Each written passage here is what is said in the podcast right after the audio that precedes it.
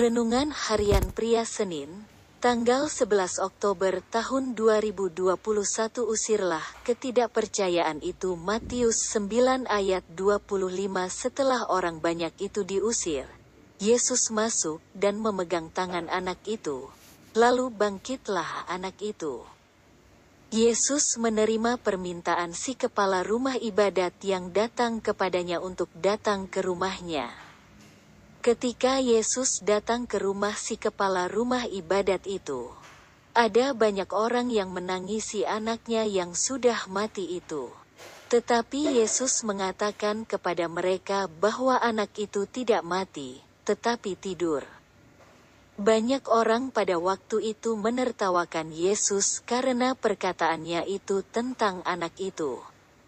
Yesus mengusir orang banyak itu yang tidak percaya kepada perkataan Yesus. Kemudian Yesus masuk ke dalam rumah dan memegang tangan anak itu. Mujizat Tuhan terjadi, anak itu bangkit dan hidup kembali.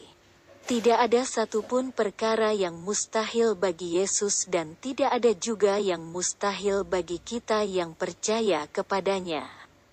Mengapa Yesus mengusir orang banyak yang tidak percaya itu?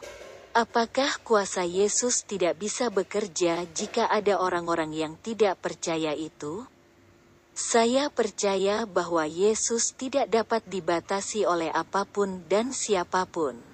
Tetapi tujuan Yesus mengusir orang-orang yang tidak percaya itu menjadi kebenaran bagi Anda dan saya yaitu ketidakpercayaan dapat menghalangi kita untuk melihat dan mengalami kuasa Tuhan dinyatakan di dalam dan melalui kehidupan kita. Ketidakpercayaan atau kekurang percayaan itu memperlemah iman kita.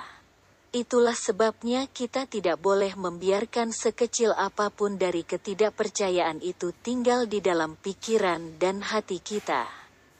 Jika ada ketidakpercayaan itu di dalam pikiran dan hati kita, maka kita harus mengusirnya. Refleksi diri, apa yang firman Tuhan katakan kepada Anda? Bagaimana kehidupan Anda dengan firman Tuhan itu? Catat komitmen Anda terhadap firman Tuhan itu. Doakan komitmen Anda itu, pengakuan imanku, dengan pertolongan Tuhan saya mengusir ketidakpercayaan dari dalam pikiran dan hati saya.